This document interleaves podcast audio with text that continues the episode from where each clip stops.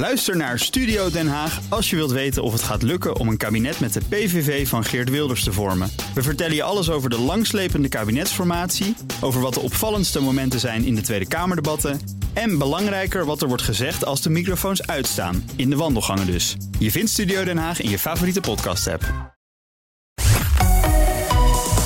BNR Nieuwsradio. BNR breekt. Kees Dorrestein.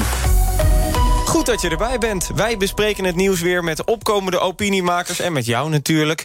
Aan mijn linkerkant Olaf Kemerink, voorzitter van Rood. Van de SP-jongeren is uh, dat. Hè? Ja, nou ja, voormalig SP-jongeren. Het is een ingewikkelde situatie. Het is een ingewikkelde situatie. Uh, als je niet weet waar dit over gaat, tik eventjes Rood in uh, Google Nieuws. En dan zou je het wel zien wat dat betreft. Is wel wat gedoe geweest. Joris Hetterscheid, zaterdag voorzitter van zaterdag, de Jonge Democraten. Hè? Ja. Nou, vast gefeliciteerd. Nou, dankjewel. Voel je je al voorzitter? Uh, ja, ja, ik, ik, voel me voorzitter, maar zaterdag is pas officieel. Dus vanaf ja. zaterdag ben ik pas echt voorzitter. Wat, wat vindt de huidige voorzitter ervan? Dat jij dan hier zit en niet... Is het een hij of een zij? Zij, een zij. Leonie. En wat ja, vindt zij ervan dan? Ja, die vindt het helemaal goed. Die vindt het helemaal, vindt het helemaal leuk om te zien. Ja? Ja. Die, je, je, had uiteindelijk ook een grotere bek, om eerlijk eh, gezegd te zijn. een beetje plat te zeggen. Want jij hebt ons gewoon geappt. Uh, je, ik hoor de SP hier zitten en de PvdA. uh, waar zit D66? Dus laat me eens even langskomen. Nou ja, bij deze kom je zelf maar bewijzen, hebben we toegezegd. Hè? Vanaf half twaalf praat ik met jullie over de persconferentie van gisteren. De coronapas is werkelijkheid geworden en nog wat andere maatregelen. En het debat over de evacuaties uit Afghanistan is vandaag bezig. Um, ja, dat wordt wel een pittig debat. Ik wil jullie mening er ook eigenlijk over weten. Hebben we het nou goed gedaan of niet wat betreft die evacuaties? Maar eerst... BNR breekt. Breekijzer. De Wetenschappelijke Raad voor het Regeringsbeleid, de WRR, komt met een alarmerend bericht vandaag. Die zegt dat als er niks verandert, zitten we over 40 jaar met een rekening van 16.000 euro per persoon per jaar aan zorg. En één op de drie mensen zou dan in de zorg moeten werken. Dat is op dit moment 1 op de 7. Er moet wat veranderen, bijvoorbeeld op het gebied van preventie. Denk aan minder suiker, suiker, minder alcohol of dat duurder maken. Ook hamert de Raad op een strenger preventiebeleid. Daarom met de breekijzer, de zorg wordt te duur. Daarom moeten we nu strengere regels hebben voor het gezondere leven. Wat denk jij? 020 468 4 keer 0 Moeten er strengere regels komen zodat we gezonder gaan leven? Eens of oneens? Ik praat er ook over met uh, Marcel Canois, hoogleraar uh, gezondheidseconomie aan de VU. Goedemorgen. Ja, goedemorgen. Ja, eens of oneens? Dat vraagt u naar mij? Ja. Ja, oké. Okay, uh, one oneens? Oneens, moet, moet, er moeten geen strengere regels komen om ons gezonder te laten leven. Waarom? nou, het gaat eigenlijk een beetje van dezelfde filosofie uit als, uh, als de bijstand. Hè. De, de, filosofie is dan, we maken de bijstand maximaal onaantrekkelijk... en we treiteren mensen zoveel mogelijk en dan gaan ze er vanzelf wel uit. Leefstijlveranderingen zijn super ingewikkeld. Uh, dat weten we uit onderzoek. Dat onderzoek heb ik niet zelf gedaan, maar degene met wie ik samenwerk, de gezondheidspsycholoog Sandra van Dijk, die uh, doet hier heel veel onderzoek naar. En daaruit daardoor weet ik dat uh, wil je mensen bewegen om uh, hun gedrag duurzaam te veranderen, dan, ja, dan werkt het niet om, ze, om, streng te zijn. Daar, daar is een heel uh, subtiele combinatie van personalisering, dus persoonlijke benadering, slimme AI-oplossingen en apps. En, en beloningen. En dat, dat, het onderzoek wijst uit dat dat eigenlijk het beste is. Het beste. En hoe streng zijn de regels nu als we kijken naar de beïnvloeding van onze gezondheid? Ja, ik weet niet waar, waar het woord streng nou uh, vandaan moet komen. wat, wat, wat, bedoelen we met streng? Ik bedoel, bedoelen we dat we mensen gaan straffen als. Uh, nou, of dat, als, als of dat je vooral mensen, of... mensen wil beïnvloeden. Je hebt een, als overheid een ja. beeld van wat gezond leven is. En als mensen ja. daar dan niet aan voldoen, dan moeten we ze de andere kant op krijgen. Ja, maar dat is dus, dat is dus een naïef mensbeeld. Uh, uh, dat als mensen niet doen wat we hopen dat ze doen, dat we ze dan moeten straffen. Er zijn allerlei andere methodes om mensen te bewegen, te nutje in de, de goede kant op. En uh, uh, ja, het straffen van mensen. Je kunt ook uh, zeggen van, nou, mensen die zich niet laten vaccineren, die gaan we straffen. Het helpt niet. Eh, dus eh, als je dat gewoon accepteert, dat uit onderzoek blijkt dat dat niet helpt, dan ga je naar andere methodes op zoek. Want dat we die kant op willen gaan, daar ben ik het natuurlijk wel mee eens. Ja, dat, wat op, uiteindelijk is het wel zo. Kijk, als je heel veel rookt, of je drinkt heel veel, of je eet heel lang ongezond, kan dat op een latere leeftijd er uiteindelijk ervoor zorgen dat, er, dat de maatschappij meer zorgkosten aan jou eh, heeft en meer tijd aan je moet besteden. En als we allemaal een beetje gezonder zijn, dan hoeven we hopelijk niet 16.000 euro over 40 jaar eh, te betalen per jaar. Want dat is toch een flink bedrag. Ja, nou ja, de, de, het misverstand over eh, preventie en kosten is ook. Dat, ik ben er helemaal voor, hè, voor preventie. En ik vind ook dat we mensen moeten bewegen om. eh, eh, een gezonde leefstijl te doen. Maar mensen die roken gaan ook eerder dood. Hè? Dus het is niet zo dat. eh, en, en de dure eh, zorgkosten die zijn juist eh, als je heel oud bent. En, eh, dus het is ook weer niet zo dat eh, eh, door mensen te, gezonder te laten leven. dat, dat, dat, dat dan de, de kassa gaat rinkelen voor de, voor de, voor de mensen. Eh, het is wat cynisch om dat te zeggen. eh, maar mensen die roken bijvoorbeeld, die hebben vooral zichzelf daarmee. En dus niet de, de, de maatschappij. Maar ook dan niet op vroegere leeftijd. Dat ze op, eh, op vroegere leeftijd la- last krijgen. En dat het daardoor ook wel kost. Het, het klopt dat rokers tijdens hun leven meer eh, gezondheidskosten maken. Maar dat wordt dus weer goed gemaakt door het feit dat ze eerder doodgaan. ja, Ja, het, is, het is een cynische conclusie, maar eh, dat, dat, eh, dat is gewoon hoe het is. Ja, dat is hoe het is. We praten zo meteen verder, eh, Marcel. Ik pak eh, eventjes eh, wat eh, bellers erbij. 020 468 4 keer 0 ons breekijzer vandaag. De zorg wordt te duur, daarom moeten er nu strengere regels komen... over gezond leven. Jan, goedemorgen. Ja, goedemorgen. Eens of oneens? Eh, ja, ik ben het oneens, want ik, ik denk gewoon dat eh, eh, de zorgkosten eh, die moeten betaald worden door de vervuiler. Dat heb ik ook net gezegd van, kijk, die man zegt van de, de, roker die kost minder omdat hij eerder doodgaat. Dan gaan er per jaar gaan er 80.000 mensen gaan er dood. Aan, aan roken minimaal en aan drank gaan er ook 30.000 dood. En dat kost toch wel heel veel geld. En een McDonald's, die met hoogtijdagen vierden met de corona-dingen, dat er files bij stonden. Dat is ook een hele slechte voor de volksgezondheid. Dus dat moet gewoon een tax opkomen. Wat in een potje komt, dat de zorg voor de mensen gewoon gelijk blijft. En de, de, de, de McDonald's en alle, alle andere mensen, dingen die slecht zijn, de drank en, en het roken, die moeten gewoon 10% tax krijgen en in een potje doen en waar de zorg dan mee betaald wordt. Ja, dus dan betaal je het eigenlijk door ongezond uh, te leven, hoor ik zo. Um, uh, moeten ja. we dan ook niet uiteindelijk uh, dan het gezondere eten, bijvoorbeeld, want we hebben het nu over eten, dat dan weer goedkoper maken? Ja, dan moeten we gezonde eten goedkoper maken. Maar je moet ook de, de, de, biologische dingen goedkoper maken in principe. En ook de, de, de niet-biologische dingen. Want de bestrijdingsmiddelen, wat ook voor heel veel ziektes zorgt, uh, zorgt dus ook kankerverwekkend is, die moeten we ook een tax opleggen. Dus dan wordt automatisch het biologische wordt dan goedkoper. Nou, uh, goed plan, uh, Jan. Dankjewel uh, voor jouw suggestie. Ik zal hem zo ook even voorleggen. John, goedemorgen. Met Jeroen Grensing. Ah, mooi. En je zit in de raket van Jeff Bezos de atmosfeer uit, hoor ik. Uh, wel in de auto inderdaad, ja. dat ik verstaanbaar ben. Nou, precies. Ja, wel, je, bent, je bent aardig te ja. verstaan, hoor. Dus uh, dat, uh, daar, houden we het gewoon een beetje kort. dat, dat is prima. Ja. Eens of oneens? Nou, ik ben het wel uh, eigenlijk eens. En ik vind ook dat de vorige spreker... je kan dat met hoog en laag BTW oplossen. Slechte producten hoog BTW en de rest gezonde producten laag BTW. Dat hebben we net afgeschaft, maar goed. Ik wilde eigenlijk over de...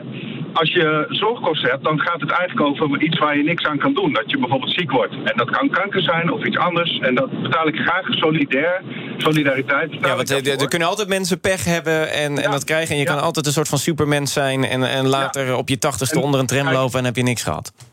En de rokers betalen al verschrikkelijk veel accijns. Dus er komen miljarden binnen die ze nou, niet voor de zorg inzetten. Maar goed, um, als je nou gaat skiën, dat is vaak ook voor de rijke mensen. Die gaan bewust een risico nemen. Dus als die uh, een beenbreuk hebben, betaal ik eigenlijk, omdat ik niet ziek ben, betaalt mijn premie een gipsvlucht. Moet je niet een sportverzekering instellen? Alle voetballers schoppen elkaar de, de schenen eraf. Alle tennissers krijgen een tenniselleboog. Moet je niet de fysiotherapeut zelf betalen? Of het afkopen met een soort sportverzekering? Er zijn allemaal onnodige kosten eigenlijk. Een, een wandelaar krijgt geen uh, hoge kosten. Maar iemand die gaat voetballen loopt toch een risico. Dan wil ik het voetballen niet afschaffen. Maar dan moet je gewoon zeggen, nou dat kost een euro per maand aan een soort zorgverzekering, eh, sportverzekering, om de- een bepaald risico wat je eh, expres gaat lopen.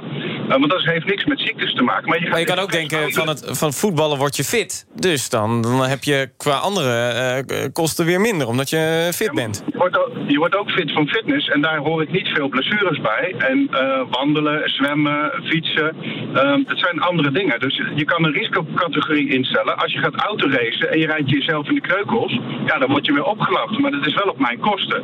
Die bedoeld zijn voor als je ziek wordt. Ja, dus wat ik inderdaad begrijp, eh, dankjewel John. eh, inderdaad, een risicopremie. Ik leg hem direct even voor aan Marcel Canois.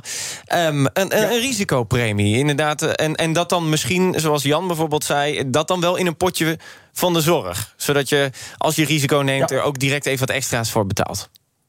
Ja, we, eh, we gaan ze met, eh, met uw welnemen even samenpakken. Eh, want er is wel een verschil tussen die twee oplossingen. De eerste spreker die had het over een soort suikertax of zoiets dergelijks. En dat is eigenlijk een prijsprikkel die eigenlijk corrigeert. voor de ongezondheid die er in bepaalde producten zit. En dat is eigenlijk, vind ik best een goed idee. Want eh, dat vind ik niet streng. Hè, dat is gewoon het corrigeren voor iets wat nu eigenlijk niet klopt. Want nu eh, wordt dus de, de, de slechte gezondheid, eh, of de, de, de bijdrage aan slechte gezondheid die bepaalde producten hebben, worden onvoldoende in de prijs meegewogen. Je zou dus kunnen beweren dat de huidige prijzen eigenlijk niet correct zijn. Waardoor mensen geneigd eh, zijn om dan eh, goedkope maar ongezonde producten aan te schaffen. Ja. Ehm, dus eh, dus dat, dat is eigenlijk een goed idee. Omdat dat een, eh, een situatie die nu verkeerd is, eigenlijk corrigeert. Eh het tweede idee, dat klinkt wel leuk, maar dat leidt wel tot hele grote complexiteiten. Want eh, u zei het zelf al, van ja, dat voetballen, dat, dat, is helemaal niet duidelijk wat de bijdrage daarvan aan gezondheid is. Je kunt wel zeggen van nou, ik ga even op een, in mijn spreadsheetje zetten wat de precieze risicofactor van elke sport is. Maar dat is onbegonnen werk. Want bijvoorbeeld, hè, als ik zelf mag kiezen welke sport ik, doe, dan ben, ik ook blijer. En, eh, ja, en als ik blijer ben, ben ik ook weer gezonder. En eh, om te denken dat je dat kan micromanagen door voor elke sport eh, precies uit te rekenen wat het exacte risico op de gezondheid is. En daar dan je premie op, eh, op aan te passen. Ja, dat lijkt mij toch een beetje onbegonnen werk. Ja, dus, eh, en, maar als we het dan even. We hebben het nu over geld. Op dit moment, eh, ja, 2019, laatste cijfers. eh 13% van de BBP werd besteed aan de zorg. In 2060 zou dat 25% zijn. Nou ja, dan zijn we eigenlijk welvaart aan het creëren. Om, eh, eh, om de zorgkosten te, be- eh, te, te betalen. Ja, Wat is nou een manier. duidelijkheid, dat Ja. zijn- ja, zeg maar. Ja, dat, dat zijn inderdaad eh, op het moment dat er niks verandert... en dat, daar, daar, komt het WWR, eh, of het WRR eh, komt daar mee. Maar hoe kunnen we nou zorgen dat die zorg betaalbaar blijft... maar wel goed op een hoog niveau? Ja, ja, nou ja, dat is natuurlijk geen eenvoudige opgave. Maar het is inderdaad niet zo somber eh, als deze, eh, doortrekken van dit lijntje suggereert. Omdat eh, eh, het eigenlijk al sinds het begin van het stelsel. en nog daarvoor eigenlijk alarmerende geluiden waren over zorgkosten. En ja, aangezien wij ook andere dingen willen betalen met belastinggeld. eh, zorgen we er dan voor dat we bijvoorbeeld scherpere keuzes maken. Dat we kritisch kijken naar het basispakket.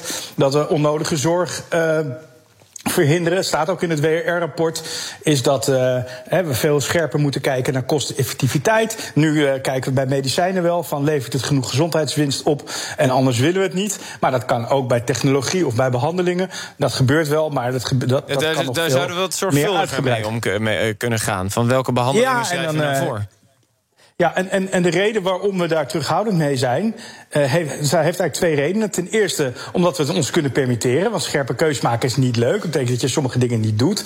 En ja, dan, gaan, eh, dan vinden dat sommige mensen weer jammer. En zodra zolang je het kan betalen, heb je toch een geneigdheid om niet zo scherp daarnaar te kijken.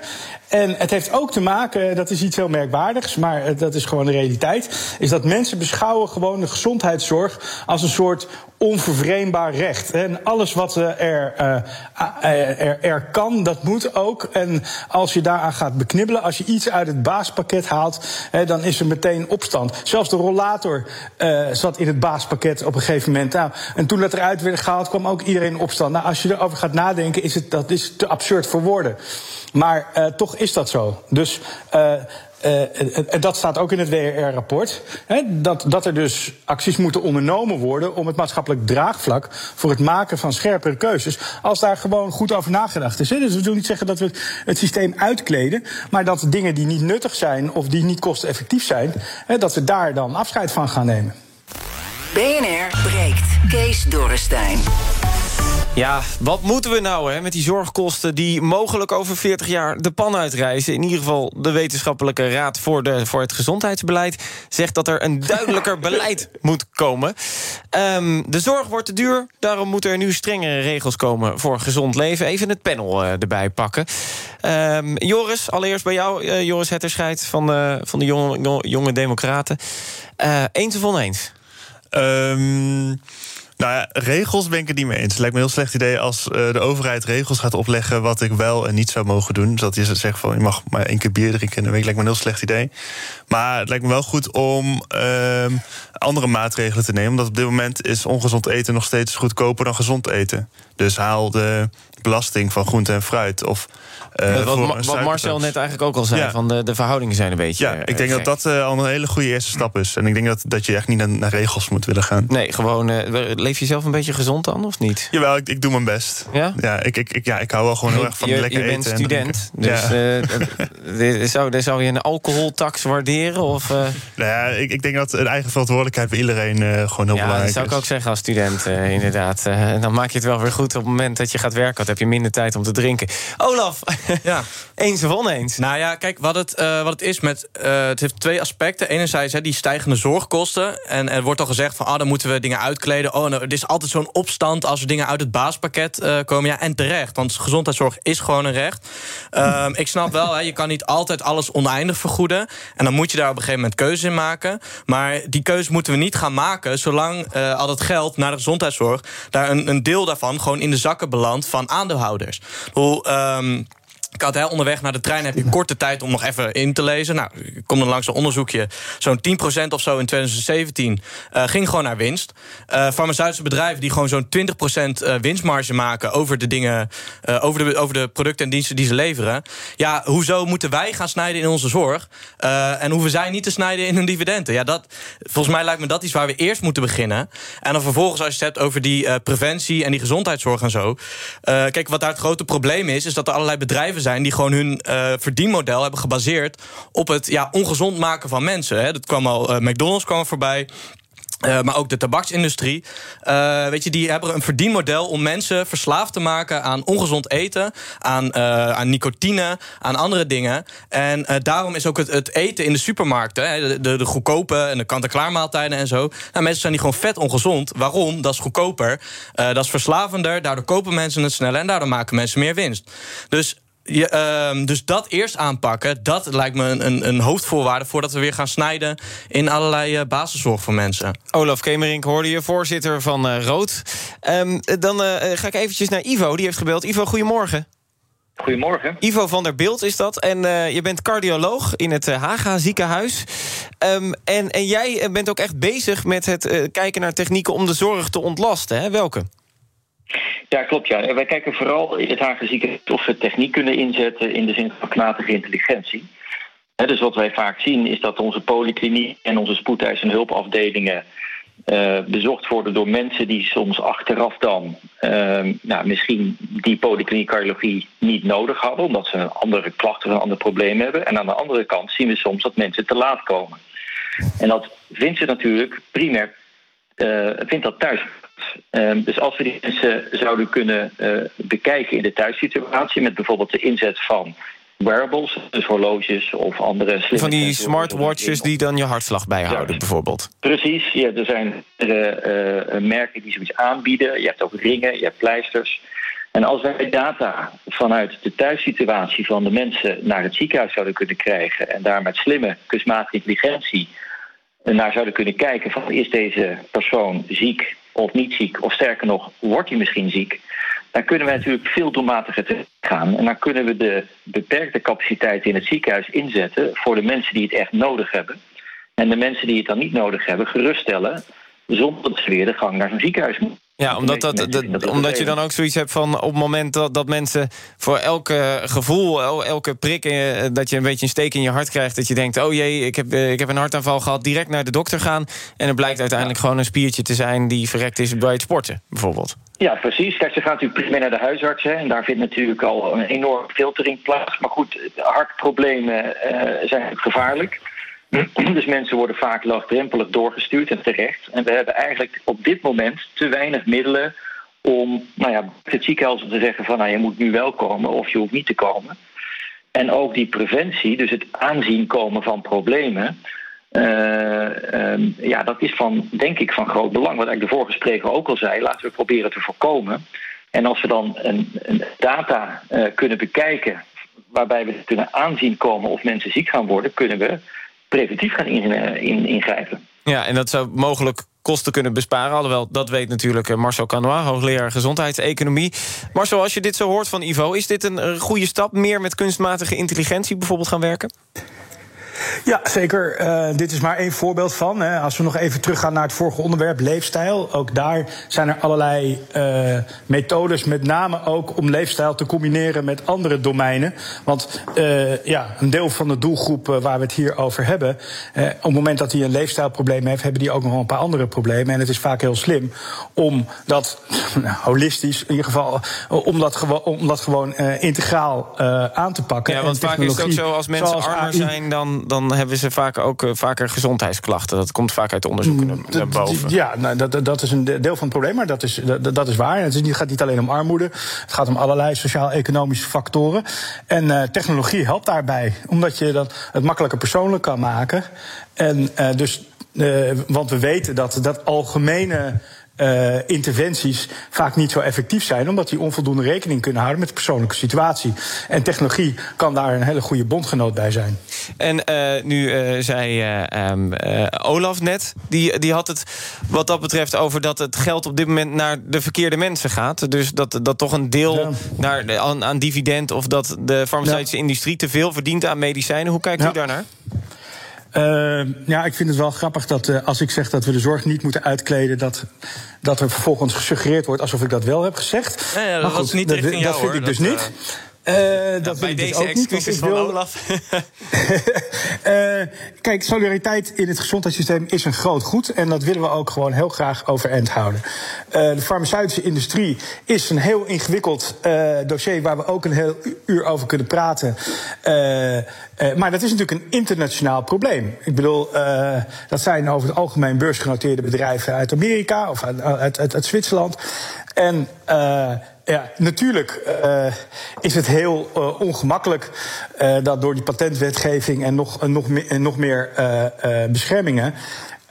dat we soms geconfronteerd worden met prijzen waarvan we zeggen van ja, maar dit is te gek. En natuurlijk is dat heel vervelend, maar het is niet zo simpel om te zeggen van nou in Nederland van dat, dat lossen we wel even op. Want dat is iets wat um, op een mondiale schaal uh, geadresseerd moet worden. En ik ben het wel met de spreker eens dat, de, uh, dat, de, dat er op het gebied van de farmaceutische industrie wel stappen gemaakt kunnen worden.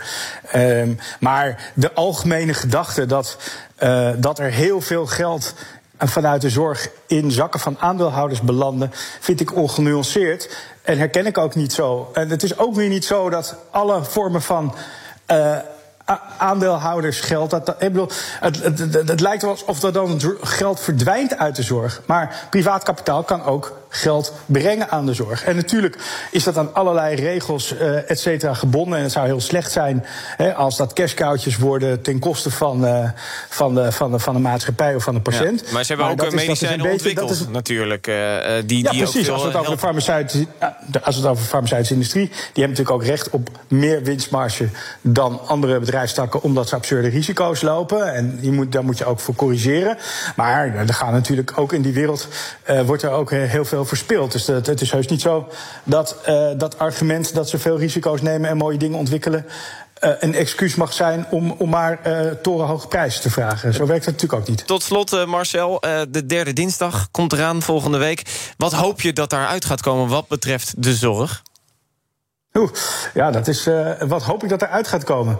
Nou, ik, ik, er zijn allerlei wensen die ik natuurlijk heb. Wat is je belangrijkste? Uh, wat, ik denk dat het belangrijkste is dat als het gaat om het beteugelen van de kosten, hè, waar we het dus nu vandaag over hebben, hè, dat ze het dan niet in lompe maatregelen gaan zoeken, zoals het verhogen van het eigen risico of het uitkleden van het baaspakket. Dat zijn allemaal dingetjes die, eh, eh, die op korte termijn misschien geld opleveren, maar die wel de solidariteit aantasten of de kwaliteit eh, aantasten. Dus ik, ik hoop dat er een creatieve set maatregelen staat die wel iets op, op de kosten doen, maar niet ten koste gaan van de solidariteit. Marcel Canois, hoogleraar gezondheidseconomie aan de VU. Dankjewel. Ivo van der Beeld, die ik net ook sprak, cardioloog in het Haga ziekenhuis. Ook dankjewel dat je even inbelde. Zometeen praat ik met het panel verder over de versoepelingen van gisteren... die het demissionair kabinet heeft aangekondigd. En die af achtergebleven Nederlanders en Afghanen in Afghanistan... die hier naartoe moeten. Wat moeten we daar nou mee en hoe is die evacuatie nou gegaan? Oordeel goed of toch hartstikke chaotisch? Wordt over gedebatteerd en wij gaan er ook even op de radio over debatteren. Na het laatste nieuws en de reclame. Ook Thomas van Zeil vind je in de BNR-app. Je kunt live naar mij luisteren in Zaken doen. De BNR-app met breaking news. Het laatste zakelijke nieuws. En je vindt er alle BNR-podcasts. Bijvoorbeeld Het Nieuwe Geld. Download nu de gratis BNR-app en blijf scherp. BNR Nieuwsradio. BNR breekt. Kees Dorrestein. Goed dat je er nog steeds bij bent. We discussiëren verder met opkomende opiniemakers. Olaf Kemerink hier in de studio, voorzitter van Rood. Joris Hetterscheid, voorzitter van de Jonge Democraten hier aanwezig. Gisteren alle twee uh, lekker voor de tv gezeten, zeven uur bord op schoot. Zeker niet. Nee, ook, je, je kijkt er een beetje vies bij. Hoor. Nee, ja, ik weet niet. Ik, ik zit even te bedenken wat er ook alweer was gisteren. Maar, uh... De persconferentie, hè? Oh nee, oh nee, die heb ik niet gekeken. Nee, nee. het heeft je niet geraakt. Het heeft mij niet geraakt. Nou, toevallig, ik was vorige keer dat ik hier was... toen ging het nou, uiteraard ook over coronamaatregelen. En toen had ik ook een verhaal gehouden van... ja, ik, ik volg het allemaal niet meer. En uh, omdat het zo chaotisch is en uh, dat soort dingen. Ik, ik zag dat op YouTube ook werd gedeeld... en dat dat in de comments um, van een iets ander licht werd bekeken. Ik wou dus wel even duidelijk maken... ik ben geen corona wappie of uh, dat soort dingen. Maar ik heb zelf met de maatregelen... ik heb het een beetje opgegeven om te volgen. En dat heb ik nog steeds wel. Oké, okay, Olaf, hoe zit jij erin? Ik heb uh, lekker zitten kijken. Ja, ik, ik, ik, ik maak veel, uh, wij maakten ons heel erg zorgen of de uh, testen gratis zouden blijven. Ja, dat, dat, dat lijkt er wel op, ja, toch? Ja, gelukkig wel. Vanwege, nou, vanwege natuurlijk die coronapas. vanaf 25 september moet je die laten zien bij openbare gelegenheden. het is een beetje, dat vooral de, de soort van de leuke openbare gelegenheden, denk ik dan altijd maar.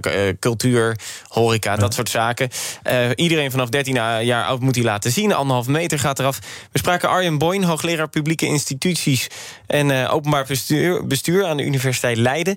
Vanochtend uh, in de ochtendspits. En uh, hij vertelde eigenlijk dat hij er niet eens mee was met die coronapas. Um, als je die groep voorop gaat stellen en je gaat zeggen: dit zijn de mensen die het volgens allemaal verkloten.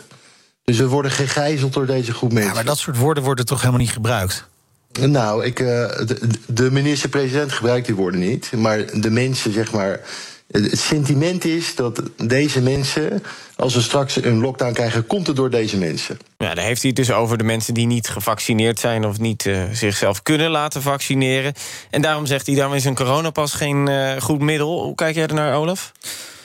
Um, ja, ik zit aan deze kant, maar... Ja, ik, ben, ja, ik kijk af en toe gewoon even rond in, ja, in nee, de studio... omdat ik veel schermen in de gaten moet houden. Maar ik nee, ben wel nee, aan het luisteren. Yes, um, ja, nee, ik, ik, uh, ja, ik vind het prima. Weet je, uh, want er wordt wel geroepen over tweedeling... maar ja, diezelfde tweedeling heb je ook op het moment... dat je wel alles opengooit... en dat de mensen die zich misschien niet kunnen laten vaccineren... of die hele kwetsbare gezondheid hebben... dat die dan alsnog gewoon uh, thuis moeten blijven. Ja, dan heb je ook tweedeling.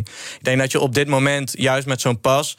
Um, nou ja, iedereen die gevaccineerd is, die kan daar dan hè, naar dingen toe. Dus die hebben ook weer wat uh, te doen in hun leven. En de mensen die zich niet willen vaccineren... Ja, die kunnen zich volgens mij uh, volgens nog gewoon gratis laten testen. Nou ja, als dat gewoon zo blijft, dan zie ik daar zelf geen enkel probleem in. Dan uh, Joris, Hugo de Jonge, die zei ook wel van... Uh, het, is, het is geen drang, maar ik zou het wel fijn vinden als iedereen zich laat vaccineren. Dus dan, dat lijkt me toch wel een beetje een drang. Of een niet? drang lijkt me even een heel slecht idee. Ik vind, uh, ik vind die coronapas vind ik wel lastig. Um, ja, ik vind het prima zolang het tijdelijk is en zolang je gewoon wel kan blijven testen. Dat als mensen uh, op een of andere manier niet willen of kunnen laten vaccineren, dat zij nog wel naar het restaurant of naar de café kunnen of naar het theater. Wat ik waar ik wel heel blij mee ben, is dat de scholen weer eh, op 100% kunnen draaien. Alleen wat ik dan wel heel raar vind, is dat de discotheken om 12 uur. eh, ja, die hadden langer open gemogen wat ja, jou maakt het nou uit of je om 11 uur eh, staat te dansen of om 1 uur. Eh, als, het, het voelt een beetje, ik krijg een beetje avondklok-vibes ervan. Ehm, ja, Maar is dat als- het als- ook niet? Want wat ga je nou echt... eh, want als je even, even een beetje stevig wil dansen... dan moet je nu om acht uur beginnen. Ja. vroeg pieken. Vroeg pieken. Jij hebt de plan al gemaakt. Ik eh. moet om vier uur aan de kroeg zitten bijna. Ja, precies. Maar, ja, het is gewoon alsof om 12 uur het vieren stik van... oh, oké, nu ga ik even de hele, de hele kroeg besmetten. Dat, ja, wat, eh, wat het volgens mij is, en dat, dat weet ik niet 100% zeker... maar wat volgens mij vooral is, is dat ze zitten met de handhaving. eh, en dat het, dat het natuurlijk veel meer inzet kost... op het moment dat het wat langer doorgaat... en de hele nacht eh, en de hele stad vol is met dronken mensen. Ja, ik bedoel, ik heb liever natuurlijk ook gewoon die clubs langer open. Maar ja, het, het, is, het is allemaal een beetje vaag en allemaal een beetje inconsequent... maar dat is volgens mij de hele tijd al geweest. Maar als jullie naar het totale pakket kijken... eh, want dan was er weer kritiek op Jinek... omdat ze eh, eh, te, te, te blij waren daarmee. Ik, volgens mij was er ook een kritische discussie over de maatregelen. Ehm, maar je ziet nu ook op Twitter een beetje twee geluiden. Aan de ene kant, het is helemaal niks. En aan de andere kant, nou, we mogen toch best blij zijn... dat we niet meer in een lockdown hoeven... of dat, dat deze maatregelen dan op tafel liggen. Wat is jullie algemene oordeel over het hele pakket dat nu is aangekondigd? Ik denk dat het op zich eh, voor nu een prima pakket is. Maar ik zou het liefst zien dat die coronapas wel een soort einddatum of eindding heeft. Dat je zegt van nou, als we. 1, no- 1 november, toch? Eh, Ja, maar, eh, mits, meer van- eh, alles goed gaat. Ehm, ik ben geen viroloog, dus ik ga zeker geen percentage doen. Maar als je op een bepaald percentage van aantal gevaccineerden zegt, zit, dat je dan zegt van nu stoppen we met die coronapas, want nu is het niet meer nodig. Want ik vind, ja, het moet wel tijdelijk blijven. Want ik vind het wel een. Ja, een, ik, ik vind coronapas. Ik vind een beetje raar dat je een coronapas moet laten zien om uit, uit eten te gaan. Terwijl wat is er veranderd tussen nu en volgende week om uit eten te gaan? Dat Ja, alleen dat, dat je met wat meer mensen op elkaar Ja. moet zitten. Maar ja, als, nu is volgens mij 85% in ieder geval één keer gevaccineerd. Ja, we Dus, zitten, ja. we zitten eh, rond 85 procent. Het wisselt een beetje. We zitten iets onder de 80 procent als je het vanaf 12 plus meet. Ja. 85 als je dat dan weer vanaf 18 eh, plus meet, natuurlijk.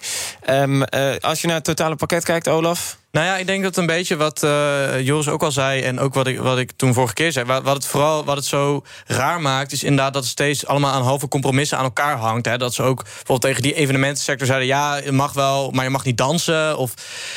En, en inderdaad dat het steeds eh, een beetje afhankelijk lijkt te zijn van... oeh, wat kan de samenleving op dit moment aan? Wat zijn de peilingen ongeveer? Ehm, en we laten weer wat uitlekken en kijken hoe het landt. Eh, in plaats van gewoon eh, duidelijk zeggen van... oh, inderdaad, hè, deze besmettingscijfers, deze vaccinatiecijfers. Weet je, dan weten mensen ook waar ze aan toe zijn... en dan kan je ook ergens op voorbereiden... in plaats van dat het iedere keer weer uitlekt... en dan weer aangepast wordt en weer anders. En oh, misschien is het nu weer te kritisch in de media... dus dan, dan versoepelen we of scherpen we weer iets aan. En eh, volgens mij is dat het vooral... in ieder geval waar ik echt een probleem mee heb... en waar heel veel mensen ook een probleem mee hebben. En dan heb je daarbuiten inderdaad nog de hele eh, discussie... over de, de vaccinatie-apartheid. Maar volgens mij is dat ook een relatief marginaal iets eh, in de samenleving. En de vaccinatie-apartheid van de mensen die dat een apartheid Ja, vinden. van de mensen die dat, die dat heel erg volhouden, zeg maar. Gaan we naar Afghanistan. Iets heel anders. Er wordt vandaag in de Tweede Kamer over gedebatteerd. We waren net aan het kijken. Net begonnen, zagen we op de livestream.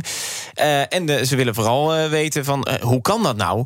dat de ambassade in Kabul al maanden geleden zei... hey, moeten jullie niet gaan evacueren? En dat de overheid te laat in actie is gekomen. Of in ieder geval, dat wordt er nu, daar schreef de Volkskrant over vanochtend.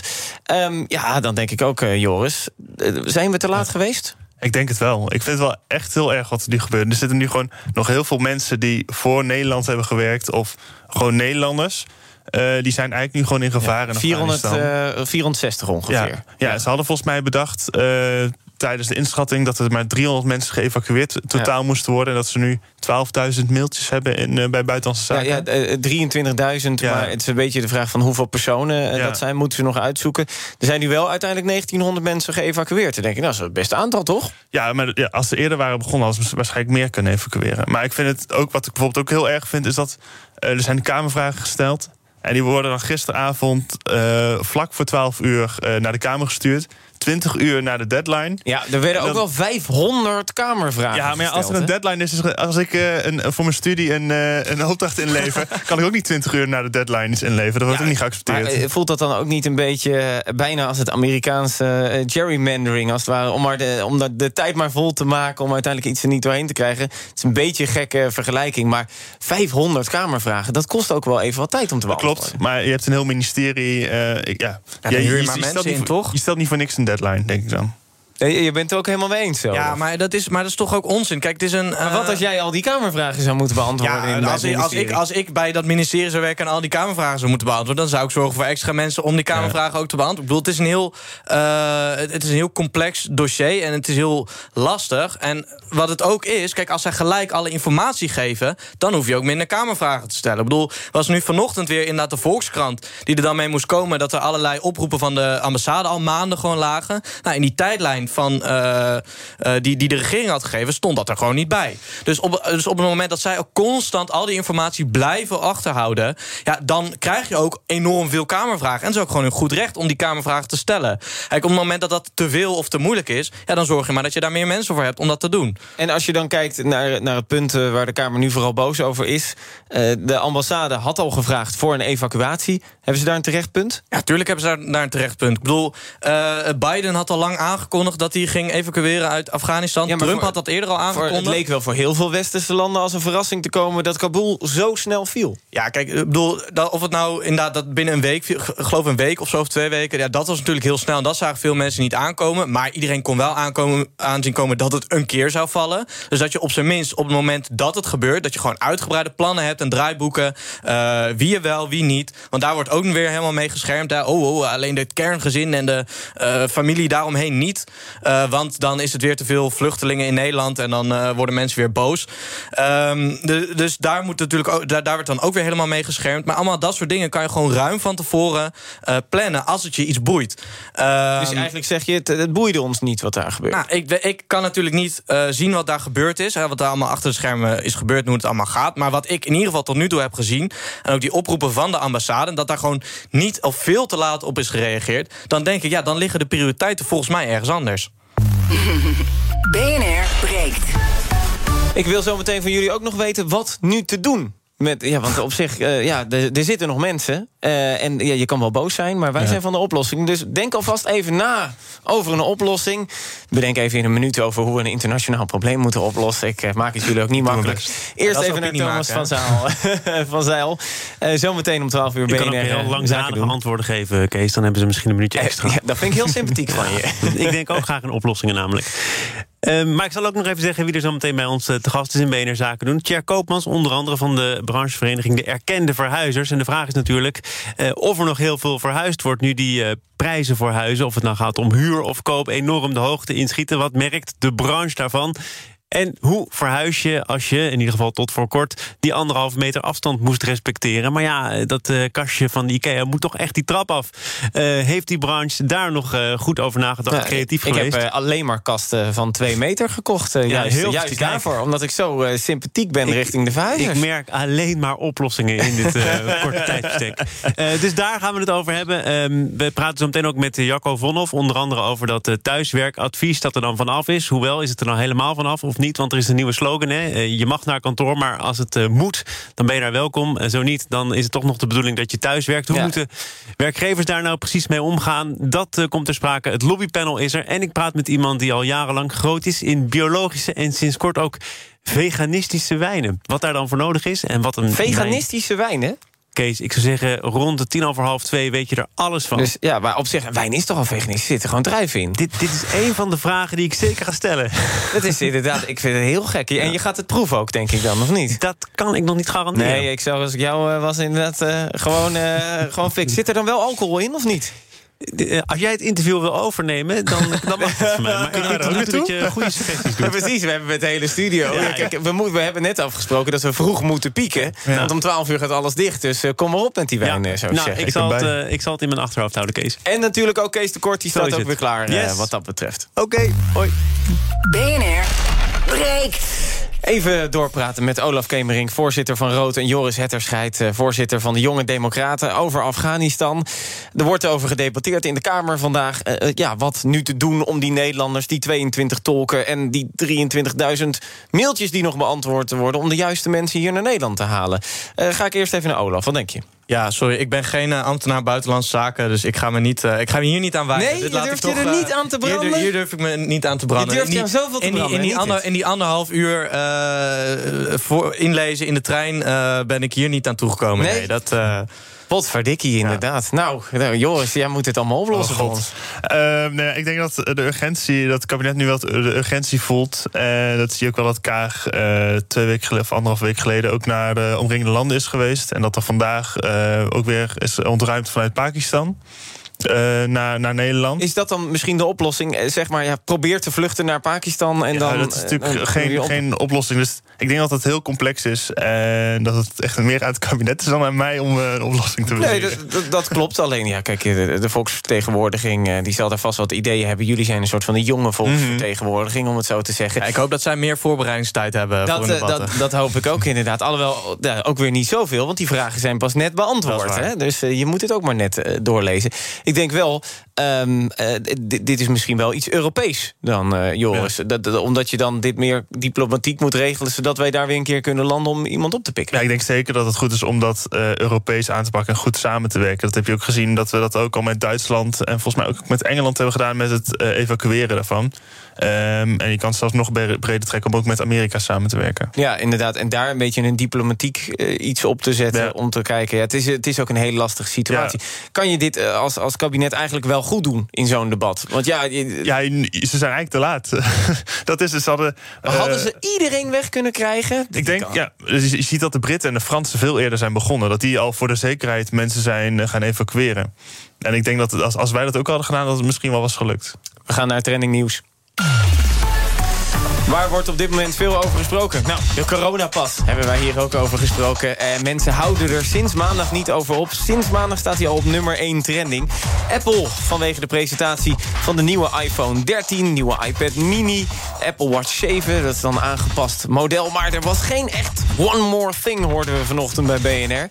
En Ajax. Vanavond spelen de godenzonen. Ja, dat is, dat is heel leuk. Ik heb een regisseur, die is enorm Ajax-liefhebber. En dan staat er ook, spelen de godenzonen in de Champions League. Ik zie hem nu al zijn shirt uittrekken en zijn Ajax-tatoeages uh, laten zien. Om uh, 9 uur tegen Sporting Portugal. Nou, ik gun uh, alle clubs in Europa natuurlijk het beste. Wordt vast een leuke wedstrijd. Als ik zo Barcelona Bayern München heb gezien gisteren... dan. Dat was niet best. Nee, dat was niet best inderdaad. Dus dan kan Ajax het eigenlijk alleen nog maar beter doen wat dat betreft. En er wordt ook veel gesproken over Pieter Omtzigt. Zijn jullie uh, een beetje gespannen? Hij is weer terug in de Kamer. Ja, ik ben benieuwd. Ja, ik denk dat Pieter Omtzigt en wat er allemaal mee is gebeurd... dat het heel goed laat zien. Uh, want als je kijkt naar Pieter Omtzigt, zijn ideeën... en, en uh, ik bedoel, hij heeft he geen hele gekke of radicale ideeën over het algemeen. Uh, maar toch, gewoon puur omdat hij in bepaalde dingen duikt... en dingen uitzoekt, wordt hij al zo weggewerkt... ja, door de gevestigde politiek. Ik denk dat dat een heel goed beeld geeft van ja, hoe, hoe eng die wereld eigenlijk is. Hoe, ja, en daar ga jij dan in zitten?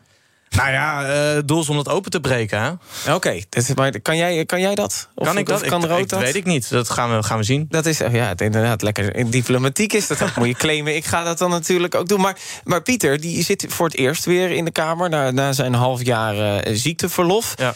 Uh, verwacht je dat hij als eenmansgroep ook echt potten kan breken? Ik hoop het. Uh, weet je, het is natuurlijk altijd lastig als je daar in je eentje zit... met minder ondersteuning, minder spreektijd, allemaal dat soort dingen. Maar ja, we gaan het zien. Joris, ja. uh, mensen zijn hier natuurlijk naar aan het kijken. Ik denk dat er aardig wat mensen extra naar het debat zullen kijken... om even te kijken, hoe doet Pieter het? Ja, ik ben heel benieuwd hoe hij zich gaat vouwen tot CDA. Ik ben ook benieuwd of er Kamerleden van het CDA misschien overgaan... naar uh, fractie Omzicht, zoals het nu heet. Uh, Daarvoor moet er eerst een kabinet zijn hè, om, om over te gaan. Ja, het kan nu ook al. Ja, de Kamerleden kunnen gewoon bij hem aansluiten natuurlijk. Maar ik, ja, ik ben gewoon heel benieuwd hoe zich dat, dat gaat ontwikkelen. En ik, ben ook, ik hoop voor hem ook vooral dat hij ook gewoon gezond blijft... en dat hij zich niet te snel gaat overwerken ook. En um, nu is het ook een beetje, er stond in Trouw een mooi artikel vanochtend... hij zou wel een paar speerpunten moeten kiezen... om zich echt te bewijzen? Want hij moet zich wel even in zijn eentje nog bewijzen. Hij heeft natuurlijk al heel erg bewezen op de uh, toeslagenaffaire. Ja, toen was hij wel lid van het CDA ja, natuurlijk. dat klopt. En, en, en uh, uh, Kuiken die heeft daar ook, van de SP heeft daar ook veel aan bijgedragen. Of Renske Leijten, ja. Niet, niet Artje Kuiken, die is weer van iemand anders. Als even door elkaar inderdaad, van PvdA. maar dat deed hij niet in zijn eentje. Nu nee, moet dat hij klopt. in zijn eentje doen. Ja, maar hij heeft ook een, een, boek geschreven laatst. En hij heeft volgens mij ook een website waar hij allemaal ideeën op heeft staan. Dus ik denk dat hij wel zijn eigen ideeën heel erg heeft ontwikkeld. Dat hij wel met een plan nu weer terugkomt in de Kamer. Ja, of uh, is, er, is zijn uh, status al zo gehyped dat hij het eigenlijk al, alleen maar slechter kan doen? Ja, hij staat er 25 zetels bij Maurice de Hond. Dus ik ben heel ja, benieuwd hoe hoe dat is een fictieve onzin. Uh, bedoel, dan wordt dan een groep omzicht en dan kan iedereen daar zijn eigen politieke ideeën op pro uh, projecteren. En dan heeft het ineens veel zetels. Ja, dat slaat natuurlijk nergens op. Nee. Maar ja, ja de hype is er sowieso. Uh, maar goed, ik ben vooral benieuwd uh, wat hij daadwerkelijk gaat doen. Ja, we zullen het zien. Hij zal het vanaf vandaag uh, moeten bewijzen. Ja. En uiteraard, alles wat er in de Kamer gebeurt... dat hoor je vandaag ook weer in, in de middag. Dan hoor je het in... Uh, dan kijken we natuurlijk eventjes wat er allemaal in Den Haag is gebeurd... met onze politieke mensen daar. Dus, uh, en ook over de formatie wordt ook weer gesproken. Dus nog in Den Haag is het zeker niet stil vandaag. Voor nu, BNR Breekt zit erop. Morgen zit Nina op deze plek. Op Twitter gaan we door, BNR. We gaan natuurlijk ook op Instagram door, BNR Nieuwsradio... en als podcast in de app. Ik ga Olaf Kemering bedanken, voorzitter van Rood. Joris Hetterscheid, voorzitter zaterdag, zaterdag van de Jonge ja. Democraten officieel. En zometeen uh, BNR Zaken doen na het nieuws en de reclame. En natuurlijk Kees de Kort staat ook weer te trappelen. Dus uh, leuke dingen op de radio hier. Zin in. Ook Bas van Werven vind je in de BNR-app. Ja, je kunt live naar mij en Iwan luisteren tijdens de ochtendspits. Je krijgt een melding van Breaking News. En niet alleen onze podcast Ochtendnieuws, maar alle BNR-podcasts vind je in de app. Download nu de gratis BNR-app en blijf scherp.